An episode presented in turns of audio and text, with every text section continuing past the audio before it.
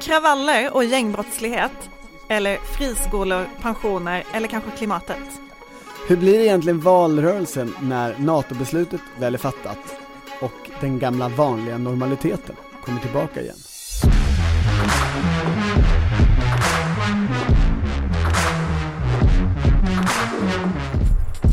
Det här är politiken med, eh, vad heter de nu? Annie Reuterskiöld, Annie Reuterskiöld, Maggie Strömberg. Maggie Strömberg och, Och- Torbjörn Nilsson. Det har ju varit kravaller i helgen i flera svenska städer. ja, Örebro, Linköping, Norrköping, Landskrona, Malmö, Stockholm, tror jag. Kanske har jag missat någon. jag trodde alla. Jönköping pratades det om, men det blev aldrig några där. Nej, Eh, och det som har hänt är ju att den dansk-svenska politikern Paludan har bränt koraner. ja. Något han ju har ägnat sig åt i några år, men den här gången blev det ju stora upplopp. Och man får ju bränna koraner, men det har ju folk blivit arga på. Och så har de blivit jättearga på poliserna som har gjort sitt jobb i att skydda hans yttrandefrihet. Det, enligt polisen i söndag så hade det här resulterat i eh, 26 skadade poliser, 20 skadade polisbilar och 14 skadade ur allmänheten. Polisen har också försökt, tvingats använda sina vapen i nödvärn och eh, totalt ska tre personer ha skottskadats. Ja, det är ju stor händelse måste man säga. Och vad har då Morgan Johansson gjort? Justitieministern och Just det. inrikesministern. Vi har ju då sett till att skjuta till resurser till polisen så att man nu har mer resurser än man någonsin har haft tidigare. Vi har fler anställda än någonsin tidigare, vi har fler poliser än någonsin tidigare, vi har mer kameror på brottsutsatta platser än någonsin tidigare. Eh, Och det kommer vi naturligtvis att fortsätta med, att förstärka svensk polis så att de ska kunna klara även de allra svåraste uppgifterna, eh, vilket det här kan räknas till.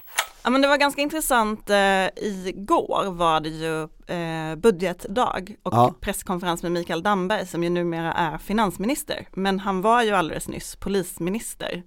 Och eftersom det hade varit påsk och regeringen inte hade varit liksom superframträdande under de här kravallerna så blev Mikael Damberg inrikesminister igen och väldigt många frågor handlade om helgens kravaller och polisen. Och jag noterade vid den här pressträffen där jag var att både han och en del medarbetare gick runt och pratade om det här med utländsk påverkan som eh, ju polisen själv hade lyft i helgen.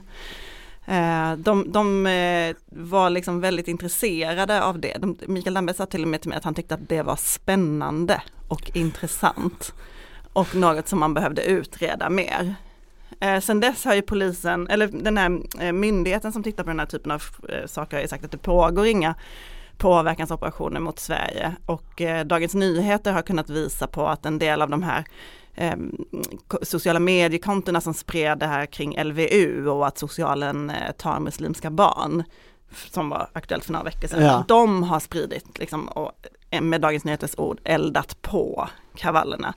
Men när man pratar utländsk påverkan i dessa tider så tänker man ju mer kanske Ryssland och så. Men det verkar väl eh, inte finnas några belägg för det. Nej men det är ju spännande för i diskussionen om, om NATO så har ju det hela tiden funnits. Det kommer komma någon typ av angrepp. Det kanske inte blir som vi tänker oss, alltså med flygplan som bombar Sverige, utan på andra sätt. Eh, och det blir ju hela, det blir rätt svårt, alltså politikerna kan ju som Damberg gjorde här, säga det där utan att riktigt behöva bevisa någonting för att det är Ja men det verkade vara en det är väldigt underrättelser och hemligheter och sådär. Ja, det verkade vara en väldigt bekväm eh, liksom, sak att hålla i handen på något sätt för att då var det ju inte regeringens fel eller det är liksom svårare för regeringen att eh, kanske påverka eller ta ansvar för.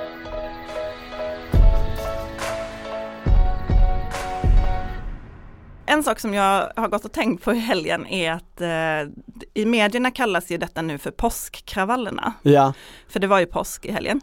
Och jag tänker att det säger liksom ganska mycket om svårigheten för eh, det svenska majoritetssamhället att förstå invandrare med muslimsk bakgrund eller muslimsk tro. Därför att att vi kallar det påskkravallerna, det här ha- hade ju överhuvudtaget ingenting med den kristna påsken att göra. Utan det handlar ju bara om att påsk för oss är ett, en dag i kalendern, ett datum, alltså den heligaste kristna högtiden. Påsken. Jesu död och återuppståndelse. Ja. Det är liksom, det är en, en veckodag för oss. Ja För, för det svenska majoritetssamhället och därför kan man kalla det för påskkravallerna. För, en, för, en, för ett land där, där den heligaste kristna högtiden absolut inte betyder annat än ägg och påskfjädrar. Så är det liksom, då har man ganska svårt att förstå vad Koranen betyder för muslimer. ja. Jag läste en jätteintressant eh, tråd från en eh, ung muslimsk tjej, Inas Hamdan, som är eh, journalist på Sydsvenskan. Hon skrev om, eh, hon, hon la upp en bild på en kvinna som har förvandlats till någon slags råtta, en väldigt obehaglig bild. Eh, och så skrev hon så här, ingen som, ser denna, som fick se denna bilden som barn är förvånad av upploppen över koranbränningen. Alltså det är väl lite skämtsamt skrivet men Ehm, för den bilden spreds och det, då, det den här kvinnan hade gjort var att hon hade sparkat på Koranen och då hade hon förvandlats till det här djuret. Ja men hon har ju själv muslims bakgrund och berättat när man är liksom, att man, hon som liten fick höra flera liknande berättelser. Man får inte röra Koranen utan att tvätta sig eh, innan. Om man har mens får man inte lov att röra Koranen och det finns ju många berättelser om just hur man förvandlas till djur. Hon beskriver det som att Bland muslimer så är det jätteviktigt att ha respekt för Koranen för det är Guds perfekta ord. Där finns profetens namn med, boken är helig och att det här gör att man i, i många muslimska länder inte ens vet vad man ska göra av sin Koran om den har blivit utsliten, för man får inte slänga den. Och att det är liksom, ja men jag har sett en del så här kommentarer från muslimer som har varit så här, hur skulle ni känna om man brände bibeln? Och de allra flesta skulle ju inte känna någonting överhuvudtaget. Nej det är ju väldigt intressant, alltså ta, ta, Sverigedemokraterna är väl det parti här som, som har upprört sig mest och som har eldat på situationen politiskt och vill ta en extra debatt i riksdagen och sådär om det här. Det är ju ett parti som säger, säger sig värna traditionella svenska värden och i det brukar de rätt ofta inkludera kristendomen. Och då kan, skulle man ju kunna vänta sig av någon som är konservativ att, att deras första reaktion skulle vara man får inte vanhelga långfredagen, eller man bör inte göra det. Alltså det är inte många decennier sedan som långfredagen i svensk eh, allmänt samhällsliv var sitta Nej men det är ju bara hemma vår och, föräldrageneration. som- och, och inte göra någonting alls. Det, det, bion var stängd, affärerna var stängda, allt var, allt var stängt.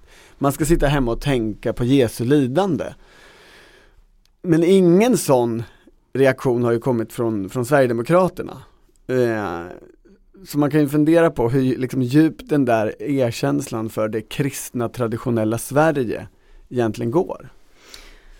En person som jag tror ändå någonstans, nu kommer jag låta jättecynisk, men någonstans är glad över det som händer. Nej, glad är fel ord. Men, men Johan Persson, Liberalernas nya partiledare. ja, jag tror inte han är glad för att det vore fruktansvärt. Men det kom ju väldigt lägligt för honom. Eh, det skedde i Örebro. hemma hos honom. Det Mm. som Johan Persson är mest känd, förut, mest känd för, förutom att vara eh, lång och rolig, är ju att han är från Örebro. Men vänta, vi måste, vi måste straighten this up. Eh, man kan inte säga att han är rolig. Han vill vara rolig, alltså, Jo, vi men- kan in, alltså det samlade svenska politiska journalistiken kan inte slå fast att Johan Persson är rolig för det är ju dels ett värdeomdöme och jag skulle hävda eh, inte sant. Han är lång och han vill vara rolig. Han drar skämt. ja. Men det mm. är i alla fall helt sant att han är från Örebro. Det är verkligen sant. Och att han tycker att just frågor som rör kriminalitet och hur kriminalitet ska bekämpas är hans hemmaplan. Det är också sant. Och han har ju fått otroligt mycket medieutrymme där han har fått prata om Örebro och hur människor eh, ska sluta kasta sten på polisen. Ja och han har också gjort det ganska skickligt. Eh, Jag tänker det var stora profilintervjuer på honom där det här har varit ett ämne. Men där han också fått de där vanliga frågorna om Sverigedemokrater och sådär. Och på ett helt annat sätt än Nyamko Sabuni så har han tagit sig förbi de där svåra ställena om hur mycket ska man samarbeta, vad har man för röda linjer och sånt där. Eh,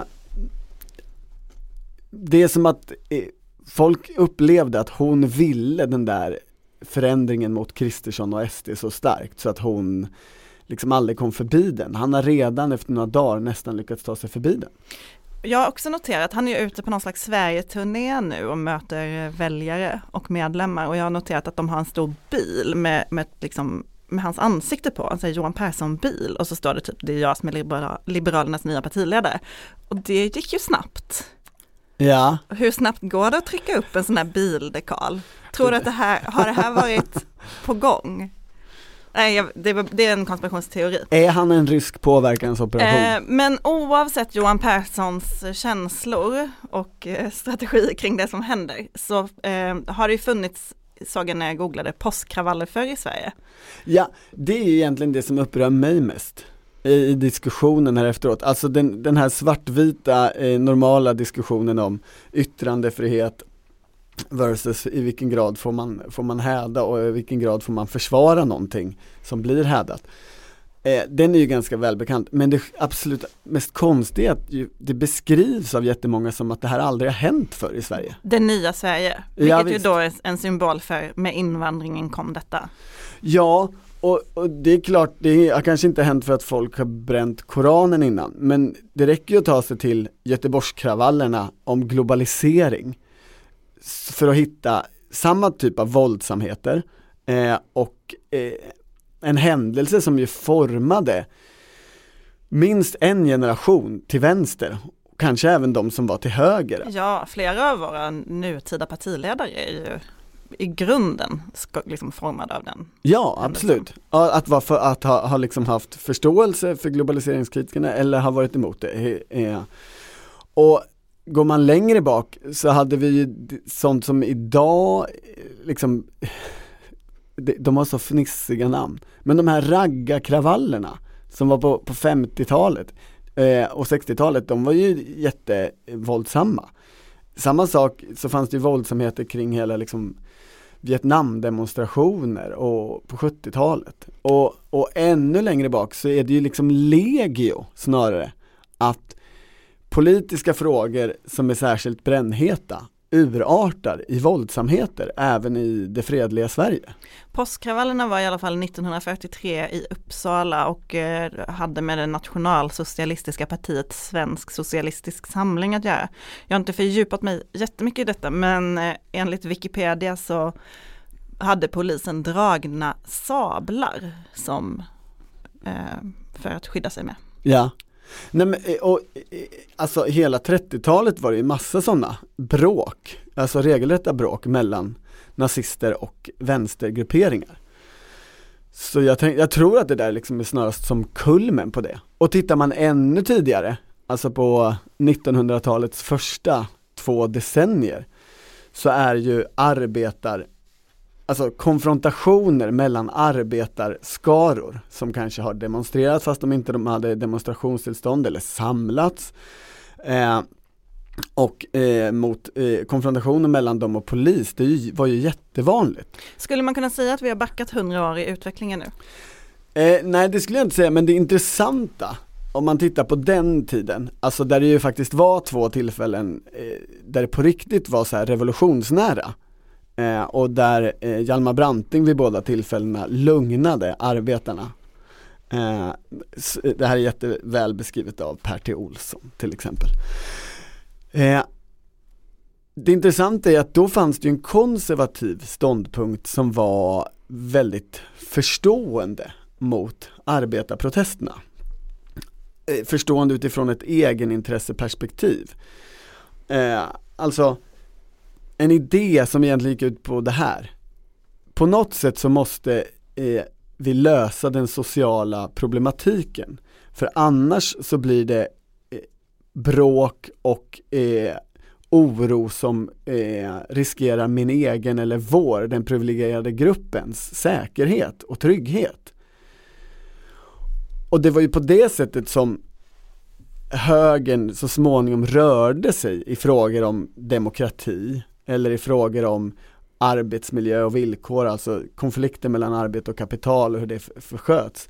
Genom att det fanns en konservativ gruppering som faktiskt närmade sig eh, arbetarnas krav för att annars var de rädda för att de helt enkelt, för att det skulle bli revolution och de skulle bli halshuggna. Och den tanken finns ju inte alls från konservativt håll eller från högerhåll i, i dagens situation. Och på det sättet så är det ju en återgång till det normala politiska samtalet egentligen de här kravallerna. Alltså vi har haft nu två månader ungefär eh, helt präglade av eh, eh Rysslands krig i Ukraina och helt präglade i Sverige av eh, NATO-debatt och säkerhetspolitik som handlar om integration, kulturkrigsfrågor, migrationsrelaterade frågor, ordningsrelaterade frågor, Sverigedemokraterna som älskar det, högern som älskar det och som nu ser en, en stark möjlighet att det här kan spegla och vara stort i, i valet. Det har pratat väldigt lite sakpolitik egentligen. Väldigt lite sakpolitik egentligen. Det har ju hänt jättemycket saker medan vi bara har pratat NATO. Ja. Alltså vi har haft en NATO-podd i så många veckor. Men det sker ju också saker på andra områden. Ja. Tydligt igår, inte minst när regeringen presenterade budgeten. Som ju fortfarande är jättestor. Det är fortfarande de här superexpansiva budgetarna. Mm. Det var ju mycket eh, försvarspengar och migrationspengar och annat i det. Men det var ju också den här stora pensionsgrejen. Alltså Nooshi-tillägget. Just det tillägg, garantitillägget för pensionärer, för de fattigaste pensionärerna. Och det här väntas det ju bli strid om eventuellt. Strid nu eller strid i valet? Ja, det beror ju på då vad som händer, men det är ju den här frågan som de andra partierna inte vet om de kommer vilja släppa igenom eller inte. Det är ju det som de möjligen då kan enas om att om, alltså regeringen har inte stöd för sin budget, du vet Nej. det är ju en jätteliten S-regering. Ja det är jag med på. Och det här är liksom den stora konfliktfrågan i budgeten. Och eh, det som var lite intressant igår var ju att Sverigedemokraterna faktiskt sa att om de, om, alltså Sverigedemokraterna har ju länge gjort pensionsfrågan till sin, eller försökt göra den till sin. De har ju drivit den väldigt hårt gentemot regeringen och eh, det här är väl delvis ett svar på det. Oppositionen är, vet ju inte heller om man nu kommer göra som i höstas och göra ett eget budgetförslag. Man för samtal men det är inte klart hur man tänker göra. Och där är ju pensionsfrågan såklart en, en stor del, för här tycker man ju ganska olika och för Sverigedemokraterna så är det ju i princip omöjligt att gå till val genom att stoppa liksom, tusen kronor i månaden för de fattigaste pensionärerna. Det här är det spännande, för om det här är åter till normaliteten, att de vanliga konflikterna kommer upp under NATO, NATO är kanske avklarat, eh, så är ju allting en fråga om vilken valrörelse vill olika partier ha och vilken valrörelse kommer vi få? Det som hände igår kväll var ju att socialdemokrater var ute över hela landet och knackade dörr. Magdalena Andersson var ute i Nacka till exempel för att prata pensioner. Socialdemokraterna tänker sig att om det här faller så gör de detta till en valfråga och de Precis. har redan börjat. Men Oskar Sjöstedt, alltså Sverigedemokraternas ekonomisk-politiska talesperson, sa ju igår att så länge oppositionen inte kan enas om ett förslag som ger pensionärerna ungefär lika mycket pengar så kommer de att släppa igenom regeringens budget. Ja, och då kan just Socialdemokraterna stoltsera med det här i valrörelsen istället. Och då hamnar ju, det är ju, alltså Socialdemokraterna har ju tryckt in Sverigedemokraterna i ett hörn här. Eh, faktiskt. Och det är lite ovanligt eh, att de har, har lyckats med. Ja, det, de har ju försökt ägna sig åt detta väldigt länge, att just visa på skillnaden när det gäller synen på pensioner och socialförsäkringar hos blocket till höger. Men jag tänkte på en annan sak i budgeten. Eh, jag läste en eh, Daniel Sjölin, kulturjournalisten, han, han twittrade eh, ungefär så här. Eh, att, att eh, regeringens budget sen Miljöpartiet har lämnat regeringen är ungefär som eh, 70-talisternas parmiddagar när barnen till slut har somnat. Alla går fritt loss på vinboxarna börjar prata i mun på varandra och låter alla sina fördomar om, om, om män, andra människor komma fram. Ungefär så, eh, det här är fritt citerat. Alltså att eh, här finns inget av liksom satsningar på den stora ödesfrågan klimatet.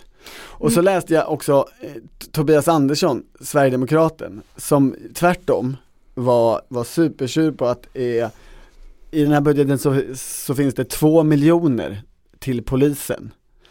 Eh, Medan det finns 3,9 miljarder till klimatbonusen. Och som då tycker det här är helt fel prioritering. Mm.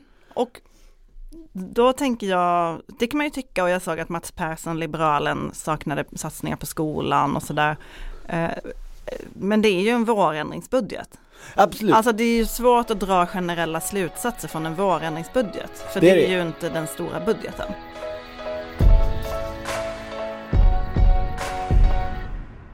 Jo men vi har ju trots allt fått eh, någon slags tvåblockssystem i Sverige. De vill ju att helt olika frågor ska dominera valrörelsen. Alltså till höger så finns det ett block, kan vi kalla det, eller en gruppering, som tycker att kriminaliteten är ödesfrågan för Sverige. Det är det de får mest ångest för, det är det de bygger ångest på och det är det deras potentiella väljare ska ha ångest för och vilja ändra.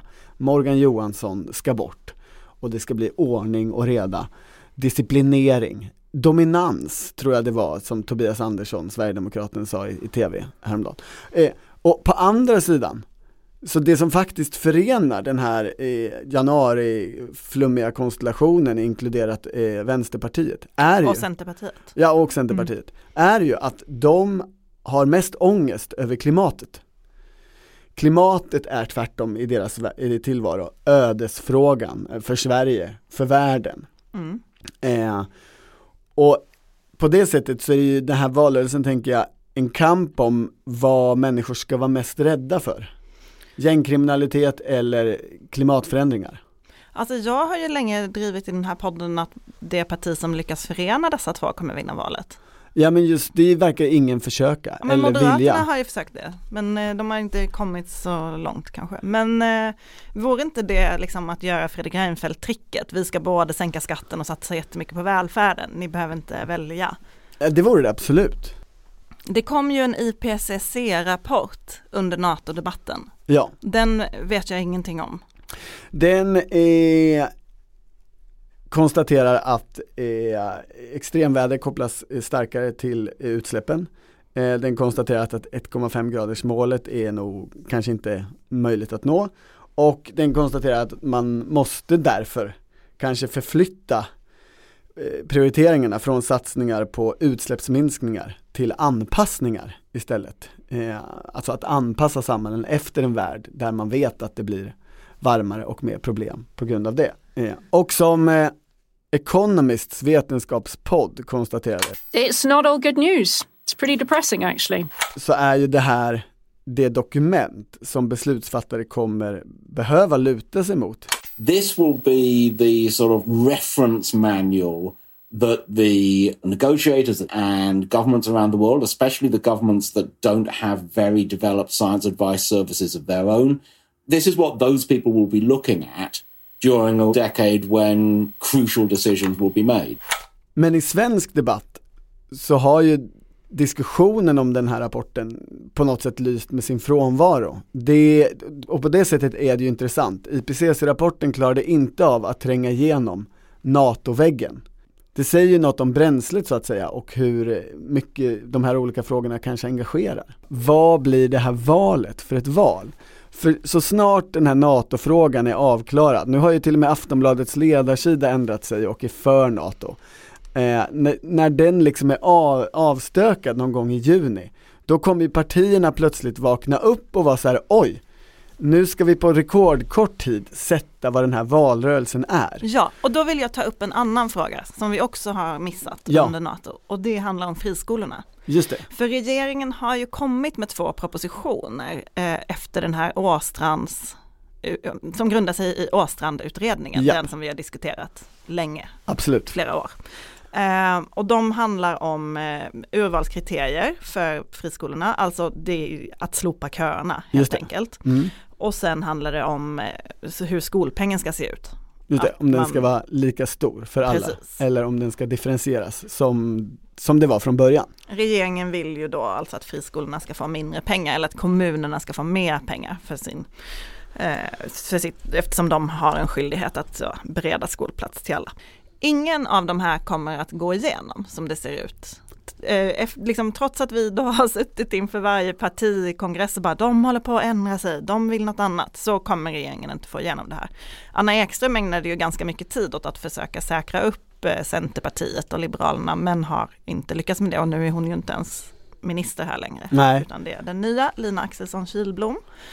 Men eh, tittar man på de motioner som oppositionen har skrivit, alltså följdmotionerna till den här propositionen, så vill de ju ändra eh, på kösystemet, men de vill inte slopa kösystemet, utan de vill göra om det. De verkar också överens om att man ska ha ett aktivt skolval, alltså att alla ska välja skola. Mm.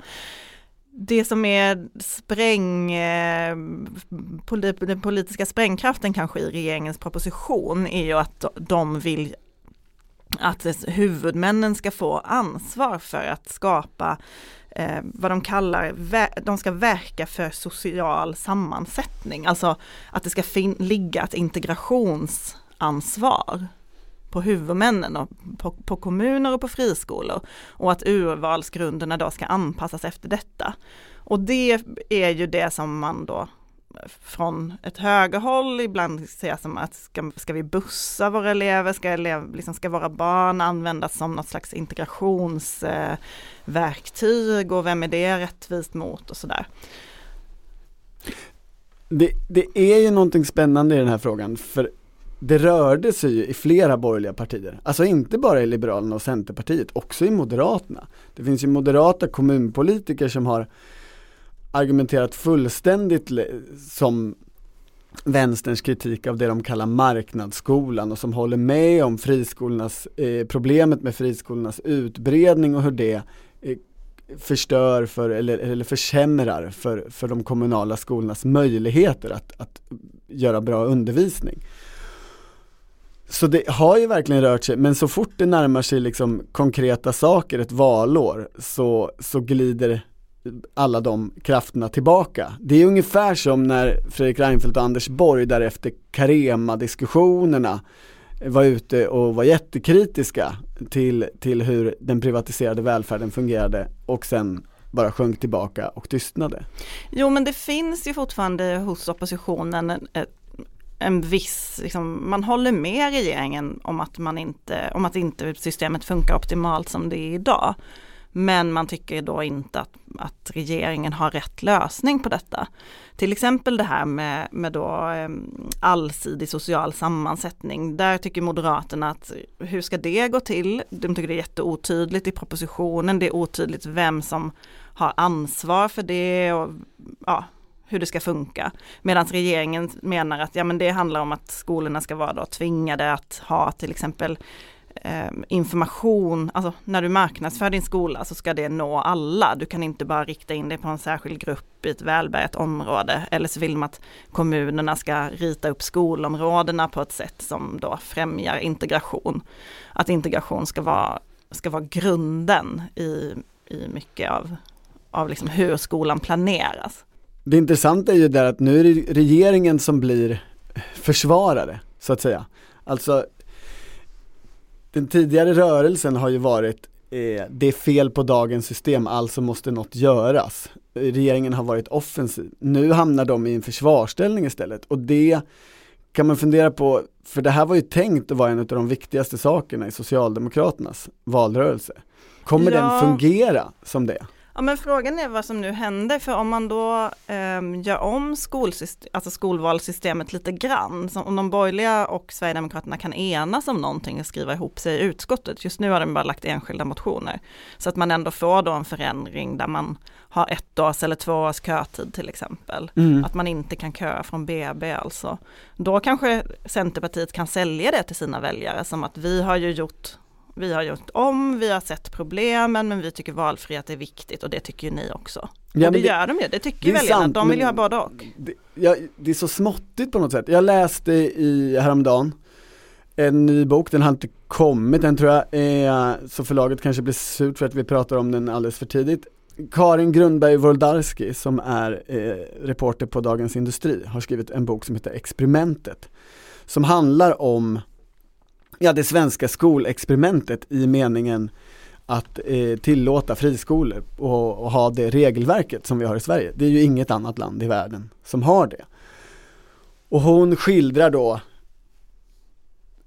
det från start till mål egentligen, från första början och hur har den här frågan hanterats? Vem har drivit på beslut och hur har beslut fattats?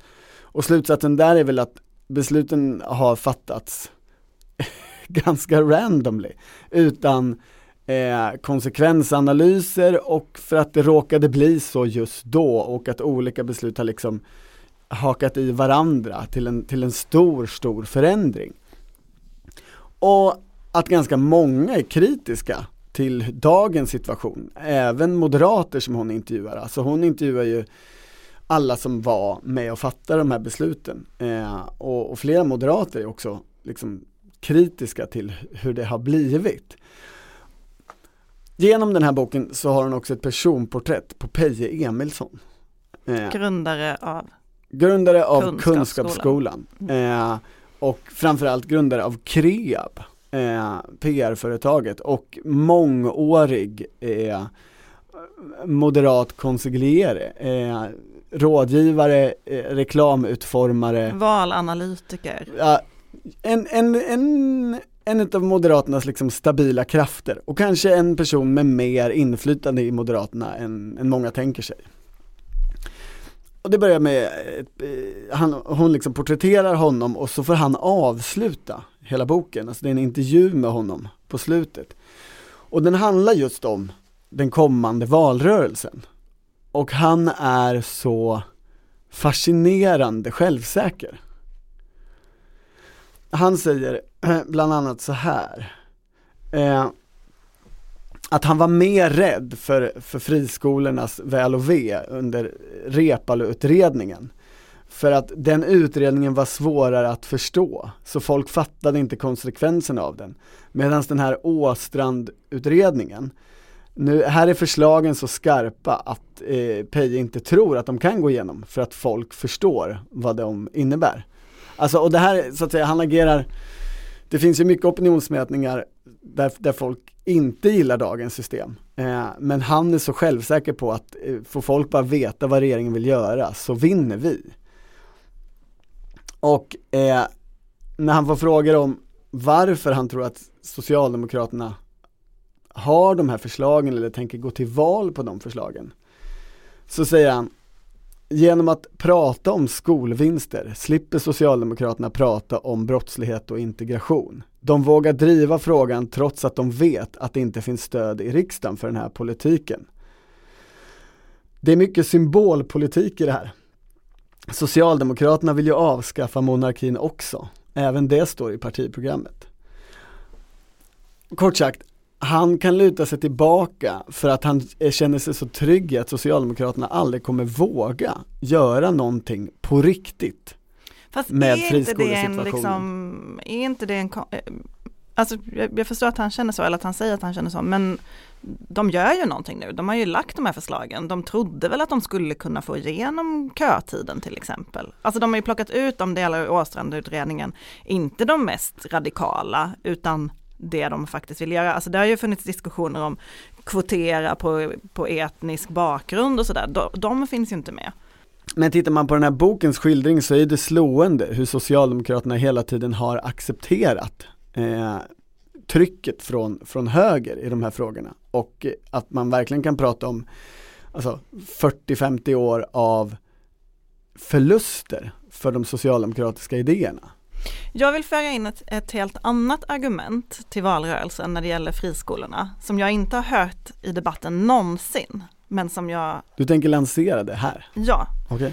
Nej men eh, utan att då ta ställning så vill jag ändå bara lyfta den här frågan. Eh, jag, jag, såg att Erik Aronsson, den gamla, eh, den tidigare pressekreteraren åt Liberalerna, numera pressis på STIM, han twittrade igår har en kompis som driver en butik där en av de extraanställda just ringde och sa Jag ska jobba imorgon men är i Spanien just nu, hur löser vi det? Ja. Och det här är något som jag, född tidigt 80-tal, har pratat mycket med eh, olika eh, vänner om just hur funkar det i arbetslivet nu när det kommer in så mycket 90 och 00-talister. Nu när Nu- du inte är yngst längre? Exakt. Okej. Nu pratar jag inte om Svenska Dagbladet, min nuvarande arbetsplats, utan detta är en generell bild av hur det är för mig och mina vänner att arbeta med 90 och 00-talister. Ja. De kommer in och så känner de efter lite hur de mår idag. Och sen bestämmer de sig liksom om de är redo att prestera något eller inte. De är väldigt mycket så här, vad kan den här arbetsplatsen ge mig? Och väldigt lite, vad kan jag bidra med till den här arbetsplatsen? Ja. De har liksom ett helt annat sätt att se på arbete. Eh, grov generalisering, jag vet, eh, var producent, född på 90-talet, Martina, hon är inte alls så här. Men ehm, Och du tänker att det här är friskolornas fel? jag tänker att det här är en effekt av att växa upp och bli betraktad som kund. Att friskolorna slåss om dig, att du går på gymnasiemässan och tänker, vad kan den här skolan ge mig? Alltså skolan är inte längre en plikt, utan skolan är liksom, eh, du är... Det är ett tillvalt i, i tillvaron. Ja, och eh, jag tänker att om vi nu skapar liksom generationer av människor som har en annan syn på sin, sin roll i samhället, Mm. så kanske det kan få effekt på den här debatten. Eller kanske Pia Emilsson vill skapa just sådana här människor. Jag tänker motargumentet mot din linje här är ju, de här eh, 90-talisterna har inte gått på Barbara Bergströms internationella engelska skola. Hade de gjort det hade de fått lära sig hyfs, Just klä det. sig propert och komma i tid och eh, genomföra sina plikter dagligen. Eh, och inte tänka på, på sitt eget väl och ve på det sättet, utan, Utan det här- tänka på andra. Det här är de som har gått på Jensen, eller? Ja alltså motargumentet mot mitt motargument skulle ju vara att det är ju bara en liten, liten grupp människor trots allt som har gått på internationella engelska skolan och att det kanske är inte det som har påverkat en hel generation utan att det är just möjligheten att välja och att då också välja bort det jobbiga. Ja, ja fast inte Är det inte det du vill åt? Nej, utan det är den här känslan av att så här, jag, är en pers- jag är en resurs för din skola. För dig, alltså jag kommer med min skolpeng till dig. Jag är mer, mer värd för dig än vad du är för mig och att det sen följer en in i arbetslivet. Att liksom det, det gör något med maktförhållandena. Det här kanske är en socialistisk dröm, jag vet inte. Eh, det vet inte jag Jag, heller. det här, men, eh, förlåt, Men- det här, jag, tänk, jag provpratar. Ja, men hur, hur kommer de här, hur kommer det här påverka, om vi, vi, vi antar att du har rätt, hur kommer det påverka valrörelsen? Nej men jag bara säger att det är ett nytt argument. Det kanske, det kanske inte är den här valrörelsen vi kommer höra det, utan lite senare när samhället kollapsar av att eh, det, det blir november och alla mår lite dåligt och ingen vill jobba. Det är det jag tänker mig. Jag förstår. Vi får se, men eh, helt klart är det väl att Sverige kommer gå med i NATO i juni. Ja Afton- just det, ska vi säga något om NATO? ledarsida har ju svängt. Så det kommer inte bli valfrågan i alla fall. Nej det kommer inte. Utan valrörelsen kommer vara en strid tänker jag, om de här sakerna vi har pratat om i den här podden. Och vad av det som eh, blir mest intressant. Vågar du svara, säga, att, alltså vågar du svära på att det är helt klart att Sverige kommer gå med i NATO? Jag har ju i, inte gått på internationella engelska skolan så jag får ju svära. Men eh, de som jag har pratat med eh, beskriver det som en, som en process med ett tydligt mål. Och då finns det ju ingen annan väg.